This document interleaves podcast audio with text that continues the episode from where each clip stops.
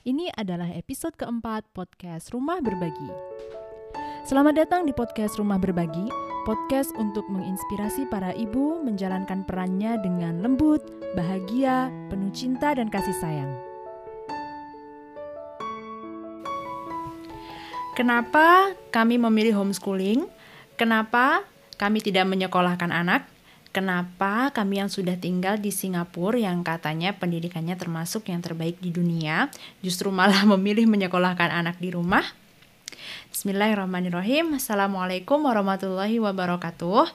Hai teman-teman semua Aku Vika, founder rumahberbagi.com Dan hari ini aku akan sharing ke kalian Kenapa kami justru memilih homeschooling Untuk jalur pendidikan anak-anak kami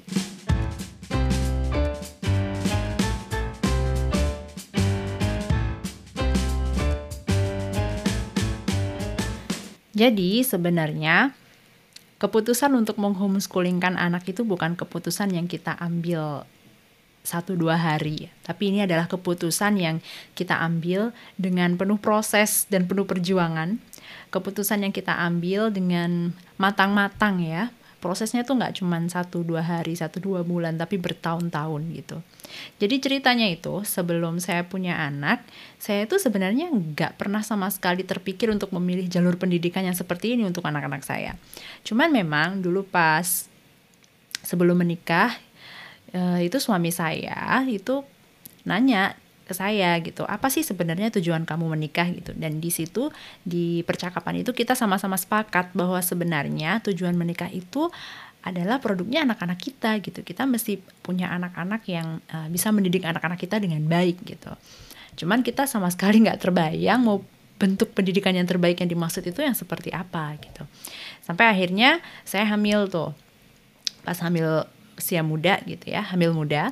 Itu saya bertemu dengan teman saya juga pasangan muda juga dan dia juga sedang hamil. Lalu iseng-iseng lah kami ngobrol tentang pendidikan anak. Saya nanya, kamu mau nyekolahin anak di mana nih? Uh, targetnya mau kayak gimana gitu kan untuk pendidikan mereka gitu. dan surprisingly gitu ya, teman saya ini jawab kalau dia mau menghomeschoolingkan anak gitu. Ah, emang bisa ya? Karena saya pikir menghomeschoolingkan anak itu cuman buat mereka para artis gitu yang jadwalnya udah sangat sibuk, yang mereka nggak sempat sekolah, jadi mereka cukup mendatangkan tutor di rumah dan belajar sesuai dengan waktu mereka, fleksibel gitu. Saya nggak nggak ngerti sama sekali kalau itu bisa dilakukan oleh orang-orang biasa seperti kita gitu.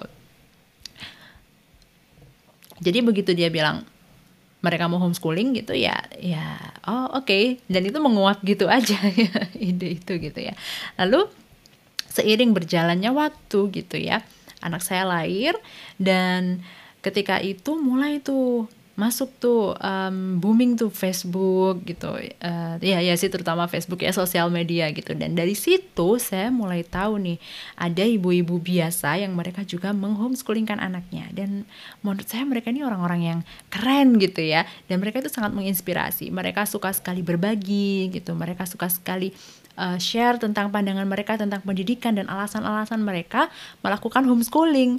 Dan itu sangat-sangat menginspirasi saya waktu itu Nah, dari mereka itu tuh akhirnya sedikit demi sedikit lah mulai muncul semangat di dalam diri saya untuk mendidik anak saya sendiri gitu. Cuman ya memang sih banyak mindernya. Soalnya kalau saya lihat mereka itu Masya Allah mereka itu orang-orang yang sepertinya wow apa ya maksudnya mereka tuh orang-orang yang memang pinter-pinter dan mereka itu memang orang-orang yang terlihat sangat religius gitu lah saya itu yang saya pikirkan waktu itu. Jadi emang waktu itu saya banyak minder. Makanya teman-teman juga jangan khawatir. Mungkin kalian yang sering curhat ke saya kalau kalian minder gitu ya. Ya saya juga pernah mengalami masa itu. Masa-masa yang nggak enak itu. Ya saya juga sama kayak kalian. Uh, suka mempertanyakan diri. Ya ampun orang kayak orang kayak aku kayak aku gini tuh apa ya? Bisa mendidik anak-anakku sendiri. Apa ya? Bisa homeschooling uh, anak-anakku sendiri. Kalau teteh-teteh itu mah atau mbak-mbak itu mah oke okay banget. Mereka emang pintar. Mereka mah memang sangat alim gitu. Ya gitu. Itu pertanyaan yang terus menerus muncul dalam diri saya dan keraguan-keraguan yang terus muncul dalam diri saya. Nah menariknya nih ya. Jadi di awal-awal tahun pertama pernikahan gitu ya kami tuh bukan pasangan yang bukan pasangan yang banyak duit malah banyak tekor Jadi kalau teman-teman tahu saya tuh nikah sama suami saya, saya baru lulus kuliah ya, lulus S1. Terus suami saya itu dulu belum kerja. Malah lulus aja belum jadi belum lulus kuliah. Nah, waktu itu uh, akhirnya aku diboyong sama suami di Bandung ya. Lalu saya dapat kerjaan. Nah, lumayan tuh lumayan di sana pas tuh di situ ya karena saya dapat kerjaan gitu. Tapi akhirnya saya hamil ya hamil dan baru dua setengah bulan dapat kerja saya tuh di PHK karena saya nggak bisa produktif saya mabok muntah-muntah terus. Akhirnya saya di PHK tanpa pesangon ya iyalah ya karena kerjaannya baru sebentar gitu kan kerjanya baru sebentar baru sebentar. Terus akhirnya ya saya nggak punya kerjaan suami nggak ada kerjaan juga nggak ada penghasilan gitu. Jadi itu bener-bener uh, masa-masa yang sangat sulit gitu buat saya sama suami waktu itu. Lagi hamil pula. Ya cuman kodarullah gitu ya karena anak itu memang selalu membawa rezekinya gitu. Begitu saya di PHK suami saya dapat part time kerjaan jadi kita uh, bisa bernapas lagi. Nah akhirnya lahirlah anak saya yang pertama gitu dan memang benar ya, setiap anak itu punya rezekinya masing-masing ya. Anak itu pasti membawa rezeki, banyak anak banyak rezeki. gitu akhirnya uh, suami saya dapat kerjaan yang lebih layak dan kita bisa hidup dengan cukup ya. Cukup tapi ya, tidak lebih. cukup. Artinya, kalau saya bisa berhemat itu akan lebih baik. Kalau saya bisa berhemat 300 sampai 500 ribu aja, dengan cara saya menghandle pendidikan anak saya, artinya anak saya nggak usah dimasukin ke PAUD atau nggak usah dimasukin ke TK, maka itu akan jadi sangat bagus. Wah, iya nggak? Jadi uh, ya jujur aja dulu aku homeschoolingin anakku di usia PAUD, di usia TK itu karena memang biar hemat. Alasan duit gitu biar hemat. Soalnya ya gitu, memang apa ya saya belum punya idealis yang idealisme yang macam-macam ya belum punya ideal, idealisme yang muluk-muluk pokoknya saya bisa ngirit itu udah bagus. Nah dulu kan udah ada tuh mulai ada uh, sekolah yang mulai berjamur ya sekolah-sekolah PAUD sekolah-sekolah TK yang katanya bagus gitu. Cuman itu tuh mahal-mahal banget dan menurut saya tuh aduh saya nggak mungkin masukin anak saya ke situ karena nggak terjangkau gitu loh. Jadi uh, saya kesel emang sih kesel karena kenapa sekolah yang bagus itu cuman uh, diaks bisa diakses oleh orang-orang yang kaya. Kan nggak adil kan? Nah itu. Awalnya tuh saya kayak keselnya di situ.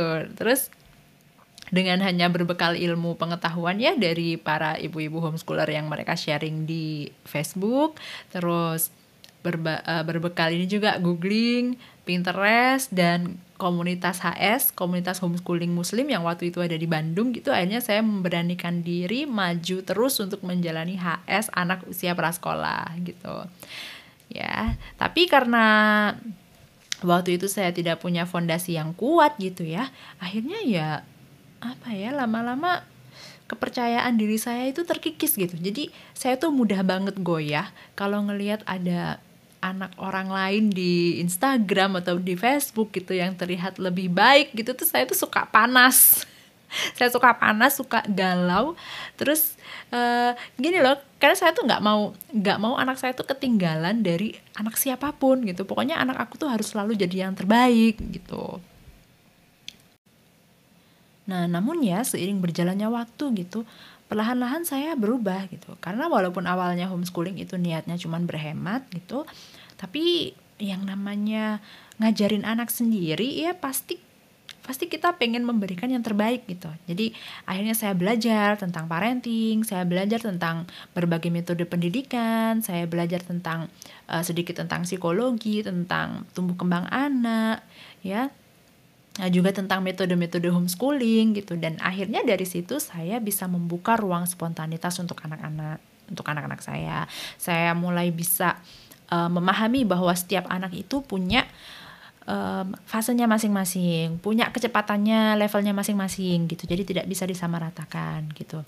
Dan dari situ saya juga memahami nih bahwa ternyata pendidikan itu seharusnya yang lebih diutamakan adalah pendidikan karakter ya. Nah, salah satu buku yang sangat menginspirasi saya waktu itu adalah buku Fitrah Based Education karya almarhum Ustadz Hari Santosa. Jadi um, saya sedih banget ya kemarin dapat kabar kalau beliau itu meninggal gitu. Uh, semoga Allah terima amal ibadah beliau gitu. jadi di buku ini sebenarnya sejujurnya ya buku ini tuh bukan buku yang ringan untuk dibaca. Uh, rada berat terutama yang di awal-awal bahkan saya itu sampai minta suami saya untuk menarasikan ulang dengan bahasa yang lebih sederhana agar bisa saya cerna. Ya jadi memang kita kerjasama gitu kita memang belajar bareng gitu saya sama suami. Nah tapi selain itu di situ juga ada banyak banget artikel-artikel yang uh, menurut saya itu super mind blowing. Jadi artikel artikel-artikel itu tuh benar-benar membuka mata saya, membuka pikiran saya bahwa pendidikan itu seharusnya berjalan dengan jalur yang sangat berbeda dengan pendidikan yang ada sekarang gitu. Nah, dari situ tuh saya mulai mikir, oh ya oke, okay, mungkin kita perlu mengevaluasi lagi apa yang apa yang uh, akan jadi rencana kita ke depan gitu. Itu yang kita pikirkan. Nah, kodarullah nih, jadi um, saya kan hamil anak yang kedua terus kan, terus lahir. Nah, pas anak aku usia 6 bulan gitu ya, setelah lahir 6 bulan, itu kita dapat kabar kalau suami uh, pindah kerja ke Singapura. Waktu itu sebenarnya aku agak-agak berat untuk pindah dari Bandung karena udah PW banget. Waktu itu tuh saya udah punya udah udah udah ada komunitas homeschooling di Bandung ya. Terus udah nemu sekolah-sekolah yang nyaman gitu. Maksudnya sekolah bukan sekolah yang gimana ya sekolah yang seminggu sekali gitu gitulah sekolah outdoor gitu yang nyaman gitu. Dan pokoknya udah enak lah udah PW gitu. Cuman um, dengan berbagai macam pertimbangan suami tetap memutuskan untuk pindah ke Singapura. Ya nggak apa-apa. Saya sih ngikut aja gitu. Nah yang saya lakukan waktu itu adalah saya langsung nyari komunitas homeschooling muslim di Singapura. Ya alhamdulillah di situ banyak banget orangnya ya, nggak cuma orang Singaporean ya, tapi orang-orang dari berbagai macam negara. Indonesia, Malaysia, mana lagi tuh? Kayak oh ada yang dari US juga, pokoknya macam-macam lah dari mana-mana gitu. Jadi akhirnya aku gabung di komunitas itu sama aku nyari tempat ngaji um, di masjid gitu buat buat anak yang pertama. Nah dari komunitas itu akhirnya aku tahu nih ternyata model homeschoolingnya orang Singaporean sama foreigner itu bisa beda banget. Karena orang Singaporean itu uh, homeschoolingnya mesti ngikutin standar pendidikannya pemerintah. Sementara kita yang foreigner itu enggak. Kita bebas kita nggak harus ngikuti mereka. Yang mana sebenarnya itu adalah satu privilege ya. Iya karena uh, kalau mereka tidak mengikuti uh, standar pendidikannya pemerintah itu bahaya. Jadi uh, mereka bisa dapat ancaman denda atau penjara gitu. Sementara kalau foreigner enggak gitu. Nah suatu hari saya tuh ketemu sama temen.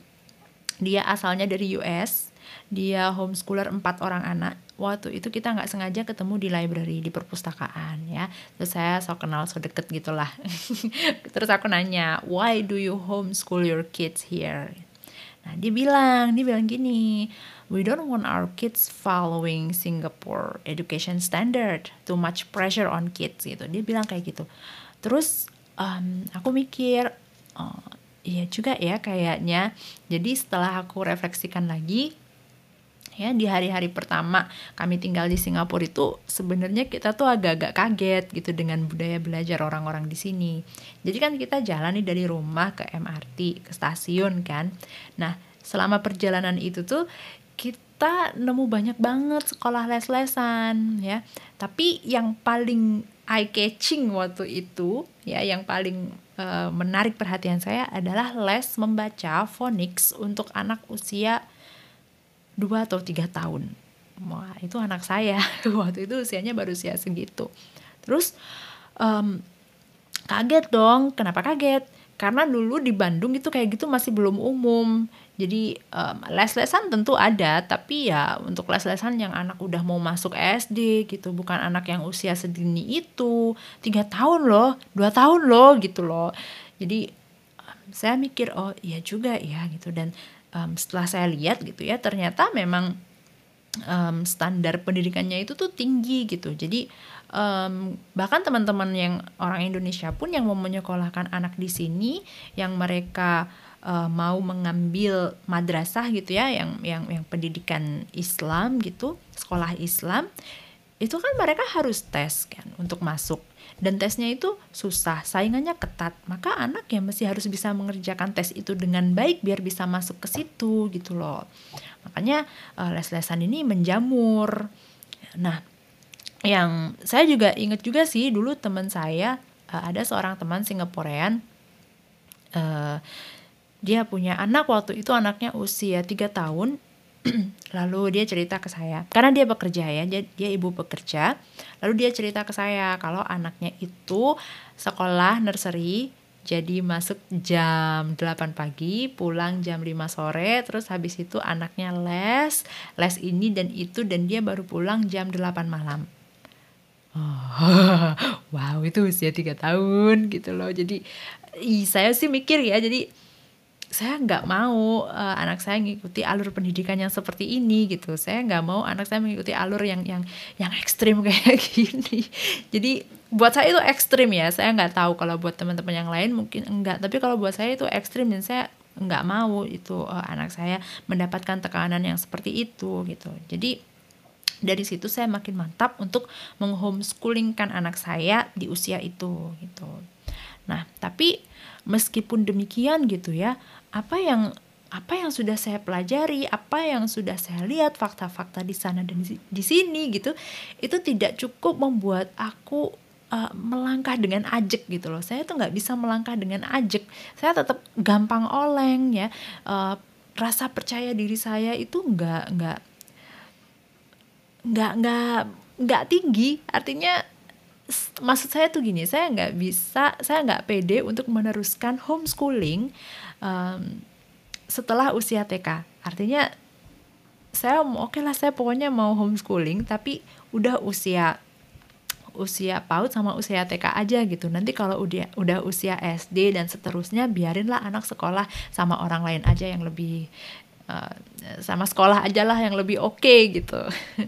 Cuman ya um, saya pengennya sih mereka dapat sekolah yang yang yang mengedepankan karakter gitu bukan akademis gitu dan sebenarnya itu sulit sekali ditemukan di Singapura gitu.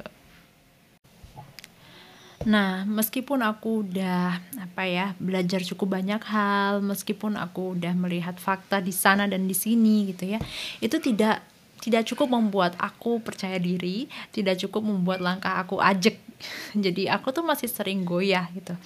Aku nggak percaya diri untuk mendidik anak um, apa ya untuk meneruskan HS ketika anak udah masuk SD dan seterusnya gitu. Apalagi nih kalau misalnya aku habis kumpul-kumpul sama teman-teman Indonesia, kan jarang banget teman-teman Indonesia yang menghomeschoolingkan anak di sini, jarang banget.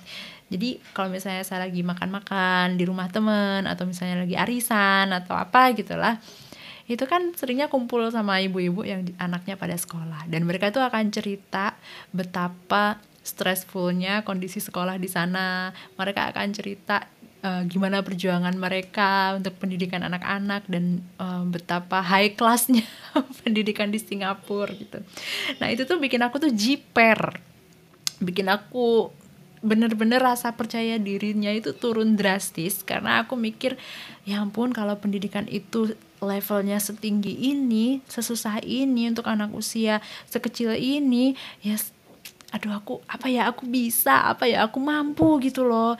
Jadi ah pokoknya kalau habis pulang uh, dari rumah temen habis ke pulang uh, kumpul-kumpul itu aduh saya tuh selalu apa ya sedih gitu.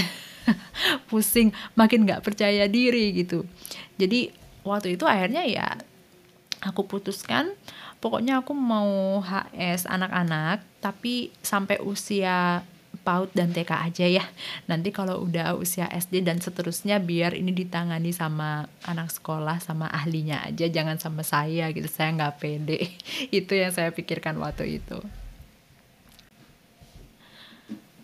Nah, karena um, kita itu pengennya anak dapat pendidikan yang baik, yaitu pendidikan karakter gitu ya, maka kita perlu nyari sekolah yang memang um, sesuai kebutuhan anak, sekolah yang memang mengedepankan karakter gitu ya. Dan kalau misalnya anak masih belajar akademis ya akademis yang memang anak butuhkan untuk hidup dia, bukan hal-hal yang sifatnya sia-sia gitu. Tapi itu susah banget dicari ya. Kalaupun ada di Singapura itu mahal banget gitu. Itu kayak misalnya international school kayak gitu-gitu gitu dan itu nggak terjangkau buat kita karena walaupun kita ekspat gitu ya kita tuh ekspat tapi yang ya gajinya belum yang tinggi-tinggi amat gitu jadi jadi ya kita mesti realistis juga gitu terus akhirnya um, saya uh, kita putuskan untuk mencari sekolah yang cocok untuk anak dan itu di Indonesia aja yang lebih terjangkau gitu. Ya, tentu artinya kita bersiap-siap untuk pulang lagi dong ke Indonesia. Ya, suami nyari pekerjaan waktu itu uh, pekerjaan remote ya, perusahaan asing yang bisa uh, kerja remote di Indonesia. Terus kita juga pulang kampung kita, uh, sebentar buat survei lokasi. Uh, kita mau tinggal di mana nih enaknya. Terus sekolahnya di sebelah mana gitu. Kita udah mulai survei sekolah juga gitu.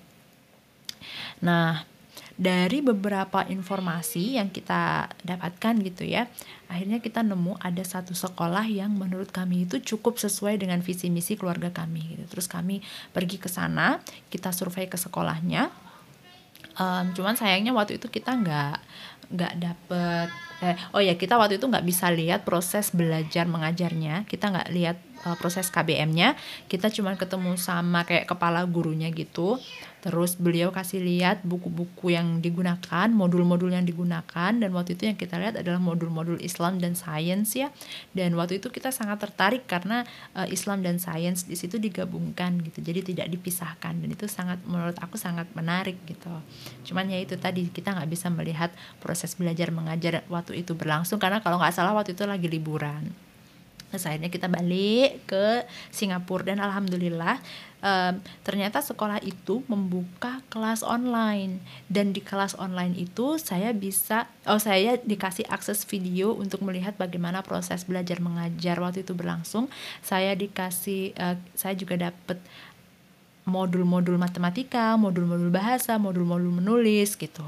Nah, um, jujur waktu itu ya alhamdulillah karena ada ada um, online itu ya ada media online itu akhirnya saya bisa ngelihat kan ini kira-kira cocok nggak buat anak saya. Dan begitu saya lihat video proses belajar mengajarnya saya ngelihatnya um, kayaknya proses belajar mengajar seperti ini bukan yang saya harapkan deh buat anak saya gitu. Kayak maksudnya kurang cocok gitu.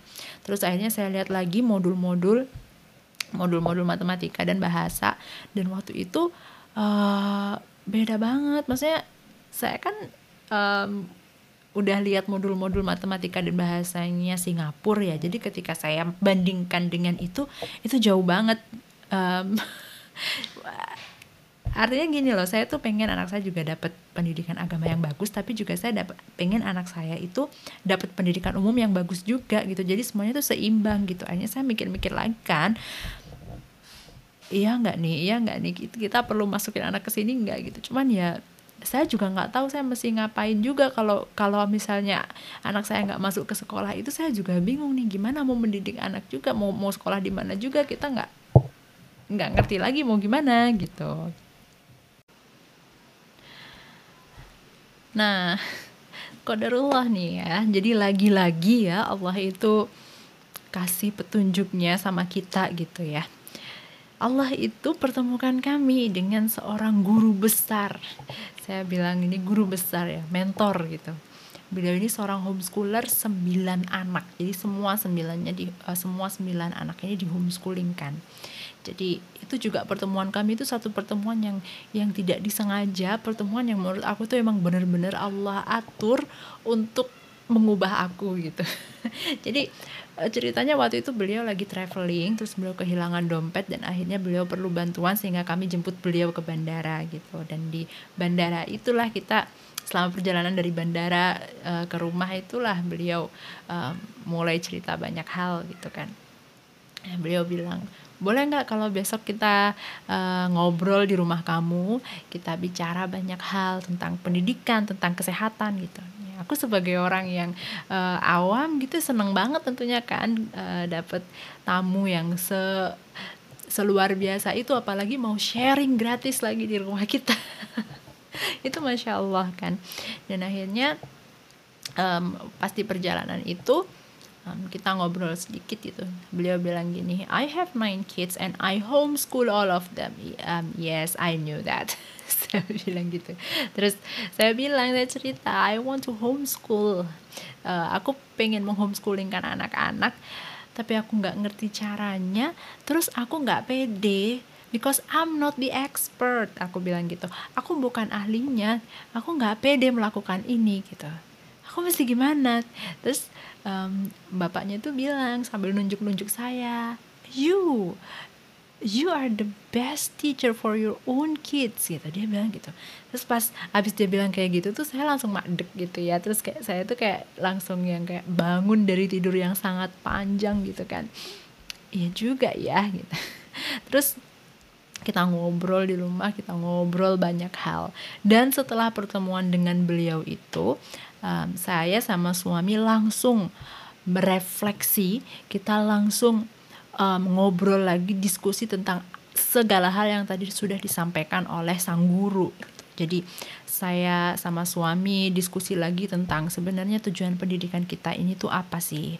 Terus kenapa kok dulu kita pede buat nyekolahin anak di rumah di usia prasekolah dan apa yang membuat sekarang di usia SD menjelang usia SD ini jadi nggak pede? Apa? Apa yang bikin aku kehilangan rasa percaya diri?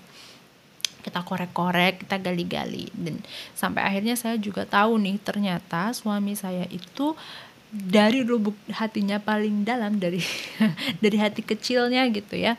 Ternyata beliau itu tidak terlalu sepakat kalau saya menyekolahkan uh, anak-anak di sekolah Islam tersebut. Walaupun sekolah Islam itu dibilang um, mengedepankan karakter gitu. Pas saya tanya kenapa, ternyata masalahnya adalah di fleksibilitas waktu dan lokasi. Jadi um, kalau seandainya suami saya dapat pekerjaan di Indonesia yang remote waktu itu, artinya suami saya punya kebebasan untuk memilih tempat um, atau memilih lokasi dan punya fleksibilitas waktu karena memang pekerjaannya itu sangat fleksibel. Jadi um, kita ini kan punya orang tua ya, orang tua yang sudah pada sepuh gitu dan memang kita ingin di masa-masa tua itu kita ingin sering-sering mengunjungi beliau uh, sekalian gitu. Maksudnya kita sering-sering ingin ingin sering-sering bersama mereka gitu kan.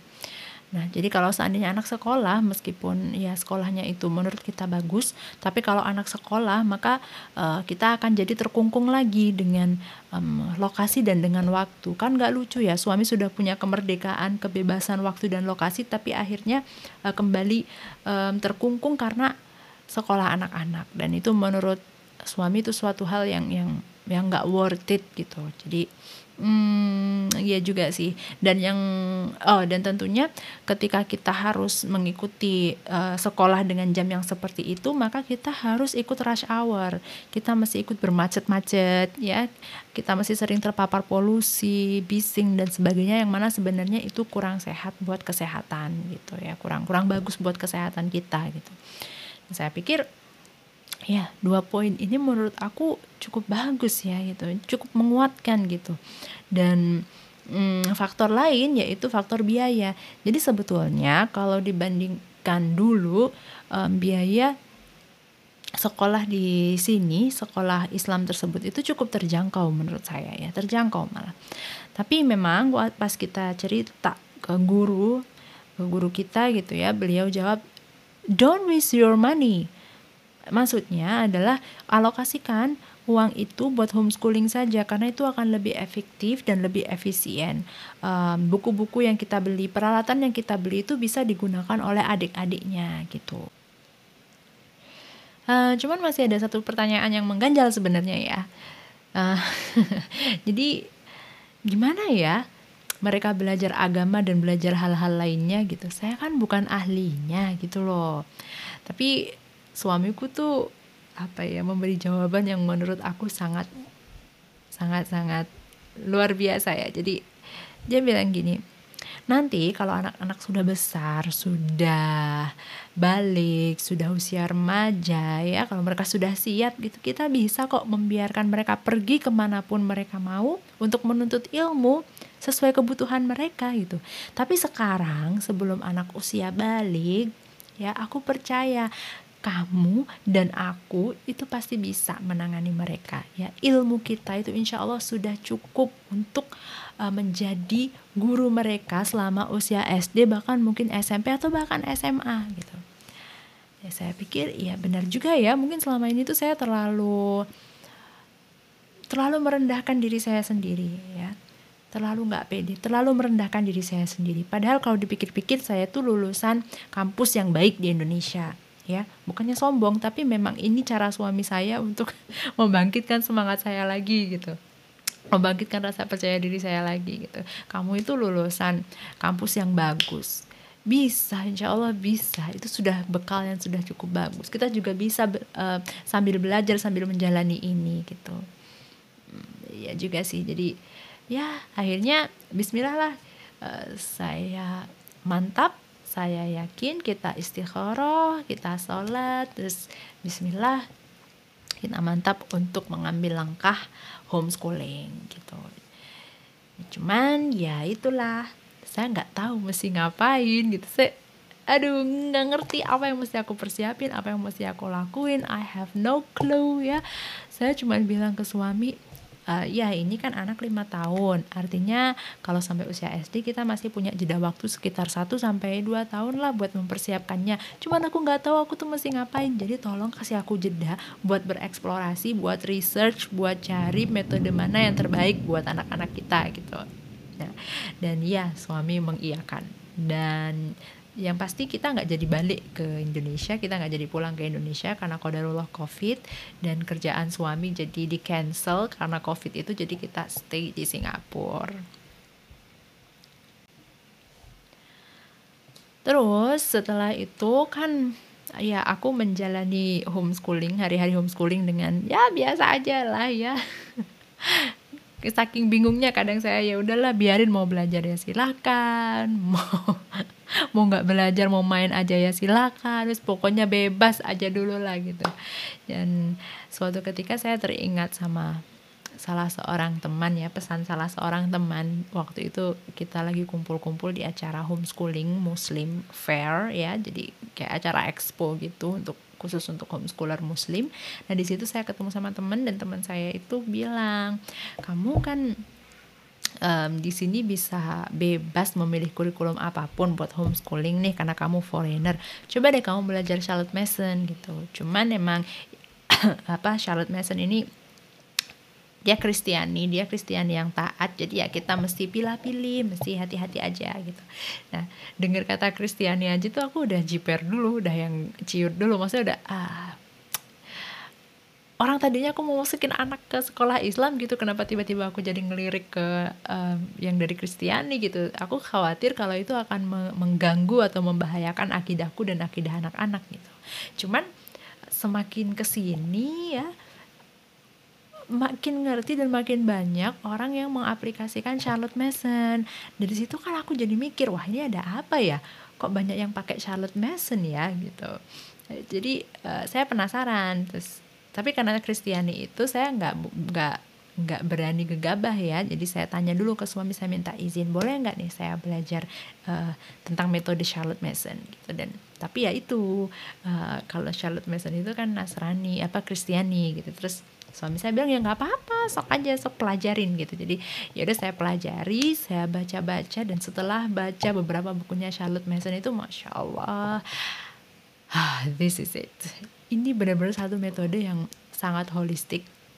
Dan dengan membaca buku-bukunya Charlotte Mason ini akhirnya rasa percaya diri aku tuh kembali 100% dan aku yakin banget tidak ada ya tidak ada yang bisa memberikan pendidikan yang terbaik untuk anak-anak aku terutama di masa-masa kecil ini kecuali diriku sendiri.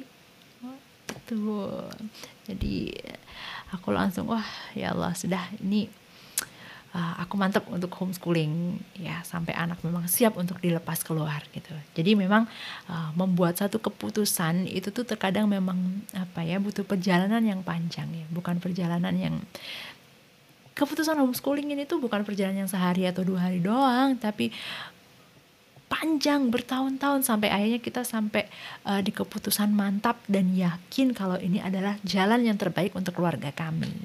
Jadi buat teman-teman yang sekarang ini masih khawatir, masih ragu-ragu, it's no problem. Mungkin itu cuma proses aja. Ya. Nah sekarang kan anak aku yang pertama kan usianya sudah tujuh tahun. Dia udah hampir selesai nih.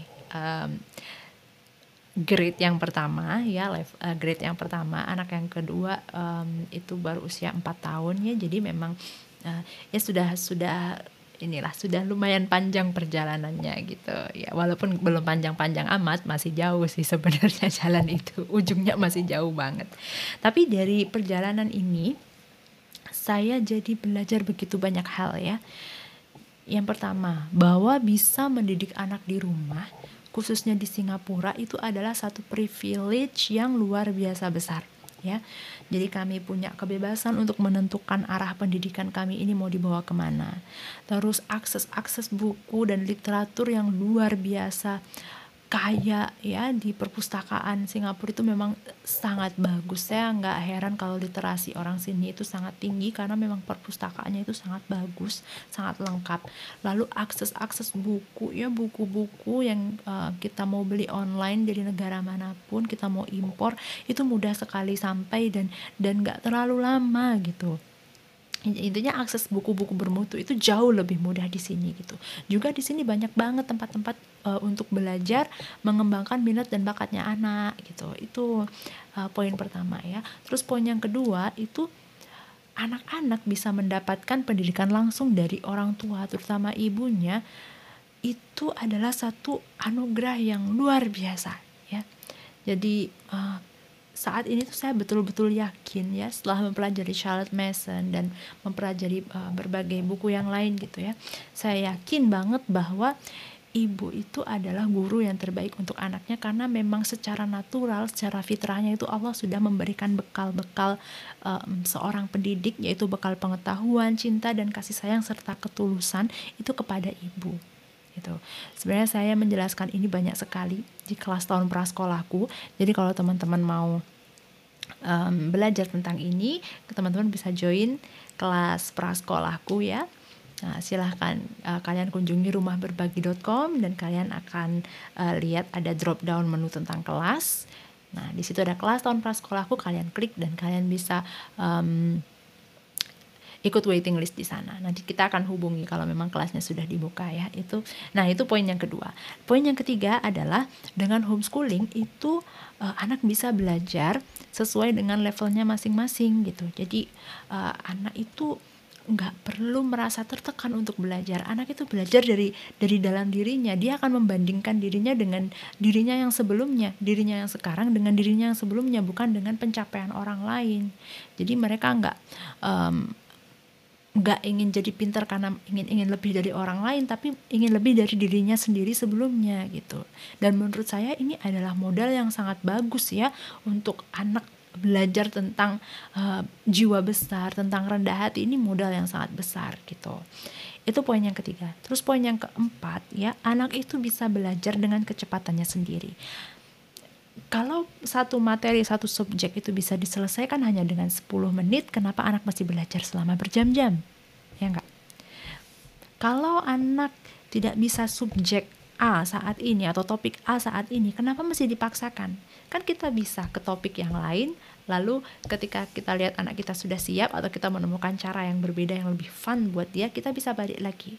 Kita bisa revisit um, materi tersebut, materi yang belum dia pahami gitu dan itu fun itu itu sama sekali nggak bikin stres gitu buat anak ya Lalu poin yang kelima, kami punya keleluasaan untuk mengontrol apa yang boleh dan tidak boleh dipelajari.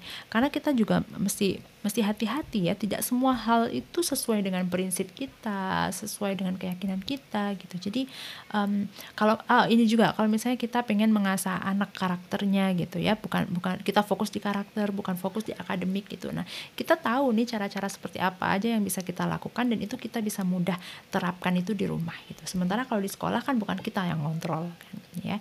Itu poin yang kelima. Terus poin yang keenam adalah kita leluasa mengantarkan anak kepada guru-guru dan sumber ilmu terbaik. Jadi sumber ilmu itu nggak cuman terkungkung di uh, sekolah itu saja. Jadi anak bisa belajar di tempat yang lain gitu. Terus sum, uh, poin yang selanjutnya, poin yang ketujuh ya, dengan belajar dengan ibunya atau ayahnya, kita jadi punya quality time yang sangat banyak. Ya, bayangkan setiap kita ngobrol sama anak itu kan sebenarnya adalah proses atau upaya kita untuk mengikat bonding, membangun bonding dengan anak. Itu adalah quality time, ya. Jadi kalau kita belajar, kita ngobrol sama anak. Jadi setiap belajar kita ngobrol sama anak, maka uh, kita juga sebenarnya sedang membangun quality time, sedang membangun bonding dengan anak gitu loh ini kan indah banget ini ini proses yang sangat indah gitu ya itu poin yang ketujuh terus poin yang kedelapan ya tidak seperti mitos kalau anak homeschooling itu tidak bisa bersosialisasi dengan orang lain. Justru dengan homeschooling ini anak jadi bersosialisasi dengan orang-orang di kehidupan yang sebenarnya. Orang-orang dengan berbagai usia dengan berbagai macam profesi. Ya, yang saya lihat di anak saya um, dia di usia ini sudah sangat luas ketika harus berhadapan dengan um, orang yang lebih tua, dengan orang yang lebih muda gitu ya. Dengan berbagai kalangan gitu. Karena sebenarnya kan uh, yang dipelajari anak kan tentang sosial itu harusnya ya yang seperti itu kan. Sementara kalau di sekolah itu kan mereka terkungkung dengan satu satu usia saja gitu. Paling bedanya dengan satu atau dua tahun di di atas atau di bawahnya gitu kan atau ya paling pol dengan guru gitu. Dan kalau menurut kami di sekolah itu justru malah bukan tatanan sosial yang sebenarnya. Dan ketika anak di rumah anak justru itulah adalah kesempatan yang um, sebenarnya untuk mengasah sosialisasi dengan berbagai kalangan gitu. Itu yang kedelapan. Terus poin yang kesembilan adalah menjauhkan anak dari pengaruh peer group dan bullying Lalu poin yang terakhir adalah ini adalah poin yang paling penting ya. Dengan kita mengajar anak sendiri di rumah, maka kita bisa memastikan bahwa setiap pelajaran dan keseharian anak sentralnya adalah Allah Subhanahu wa taala. Gitu. Makanya intinya sih kami ini yakin banget kalau homeschooling itu buat kami adalah jalan yang terbaik. Mungkin nggak terbaik buat kalian and it's okay tapi kalau kalian juga merasa bahwa homeschooling ini adalah uh, jalan yang terbaik, go for it. Silakan diperjuangkan, worth untuk diperjuangkan gitu ya. Uh, kami yakin bahwa buat kami homeschooling ini adalah cara, cara cara yang sangat efektif untuk mengantarkan anak-anak kami menjadi seorang manusia yang berkarakter mulia. Ya gitu teman-teman ya. Buat teman-teman yang mungkin masih belum pede, yang masih mungkin masih meragukan diri sendiri, it's okay, it's totally fine. Insya Allah ini hanya butuh waktu aja. Selama kita terus belajar, sama selama kita terus belajar dan memang homeschooling ini adalah jalan kita, maka Allah pasti akan tunjukkan jalannya. Ya, terima kasih teman-teman semua. Semoga bermanfaat dan assalamualaikum warahmatullahi wabarakatuh. Sampai jumpa. Nah, buat teman-teman yang merasa kalau postingan ini bermanfaat, video ini bermanfaat, silahkan klik tombol like, terus subscribe, jangan lupa nyalakan tombol loncengnya. Uh, terus juga jangan lupa kunjungi di rumahberbagi.com.